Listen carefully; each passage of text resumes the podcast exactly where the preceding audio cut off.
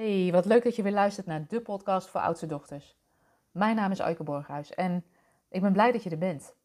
Want in deze podcast wil ik graag een misverstand uit de wereld helpen. En dat gaat over een misverstand over onafhankelijkheid. En het is een misverstand wat ik regelmatig zie terugkeren bij oudste dochters. En daarom neem ik je even mee in deze podcast om daar wat dieper op in te gaan. En kijk maar eens even terug naar de boodschap die je zelf als klein meisje hebt meegekregen. En als ik naar mezelf kijk, dan is de boodschap die ik heb meegekregen als oudste dochter van drie meiden: een slimme meid is op haar toekomst voorbereid. In onze opvoeding hebben mijn zusjes en ik geleerd om onze eigen boontjes te doppen. En dat heeft ons ook veel gebracht, want we zijn alle drie zelfstandige vrouwen en daar ben ik nog steeds altijd dankbaar voor. En als ik terugkijk naar mijn opvoeding, dan heeft mijn vader me bijvoorbeeld geleerd hoe ik een fietsband kan plakken. Mocht ik in groep 7 meedoen met een cursus techniek voor meiden. En zo heb ik bijvoorbeeld tijdens mijn highschooljaar in Australië een jaar lang lessen houtbewerking en lassen gevolgd. Maar die instelling van een slimme meid is op haar toekomst voorbereid, heeft ook een nadeel. Want waar ik mezelf en veel vrouwen om me heen regelmatig op betrap, is dat ze onafhankelijkheid en hun eigen boontjes kunnen doppen verwarren met dingen alleen moeten en kunnen doen. We kunnen heel veel zelf, maar dat betekent niet dat we altijd alles zelf en alleen hoeven te doen. En zo heb ik een tijdje geleden bijna een huwelijkscrisis veroorzaakt met mijn impulsieve actie om een vaatwasser voor kantoor te bestellen, zonder goed na te denken over de consequenties. Ik had niet goed nagedacht over de vaatwasseraansluiting en de aanvoer en de afvoer van de vaatwasser. En daarbovenop bleef ik ook nog een inbouwvaatwasser besteld te hebben in plaats van een losstaande vaatwasser. Dat had ik niet in de gaten voordat ik die hele vaatwasser al had uitgepakt en op zijn plek had gezet. En toen voelde ik alweer aankomen, oh oh, dit heb ik niet handig aangepakt. Eenmaal thuis ging ik met Peter, mijn man, in gesprek en ik vroeg hem of hij me kon helpen. En daartoe is Peter altijd bereid, maar hij heeft er wel een pestpokkenhekel aan om achteraf de fouten van een ander te moeten herstellen. En hij baalde.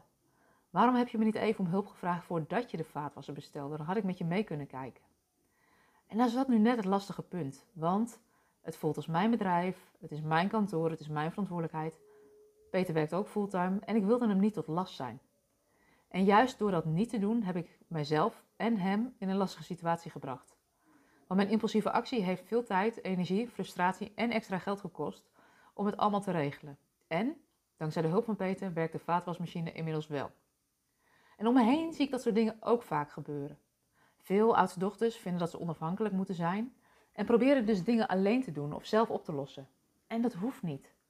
Want het is niet zo dat we onze onafhankelijkheid kwijtraken als we iemand om hulp moeten vragen. Bijvoorbeeld om een kast in elkaar te zetten, als we moeten verhuizen of als we even oppas nodig hebben voor de kinderen of als we advies nodig hebben. Je kunt nog steeds een onafhankelijke vrouw zijn als je om hulp vraagt en het samen doet. Maar waarom is dat nou toch zo lastig voor oudste dochters om om hulp te vragen?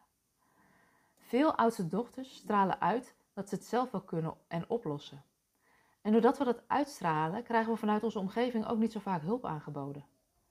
En we vinden hulp aannemen vaak ook wel wat ingewikkeld, omdat we het gevoel hebben dat we de ander dan iets verschuldigd zijn of iets terug moeten doen. Maar met die onbewuste overtuigingen maken we het onszelf onnodig lastig. En bovendien verliezen we er veel tijd en energie mee. Is dat herkenbaar?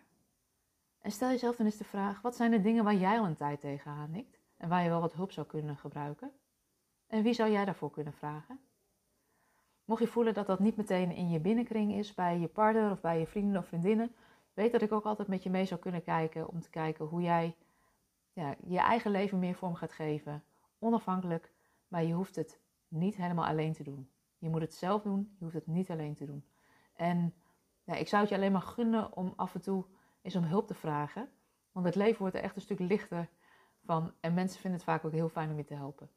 Dus het misverstand over onafhankelijkheid heb ik nu uit de weg geholpen. En ehm, ik hoop dat het je helpt om eventueel om hulp te vragen in je omgeving. Ik wens je een hele fijne dag.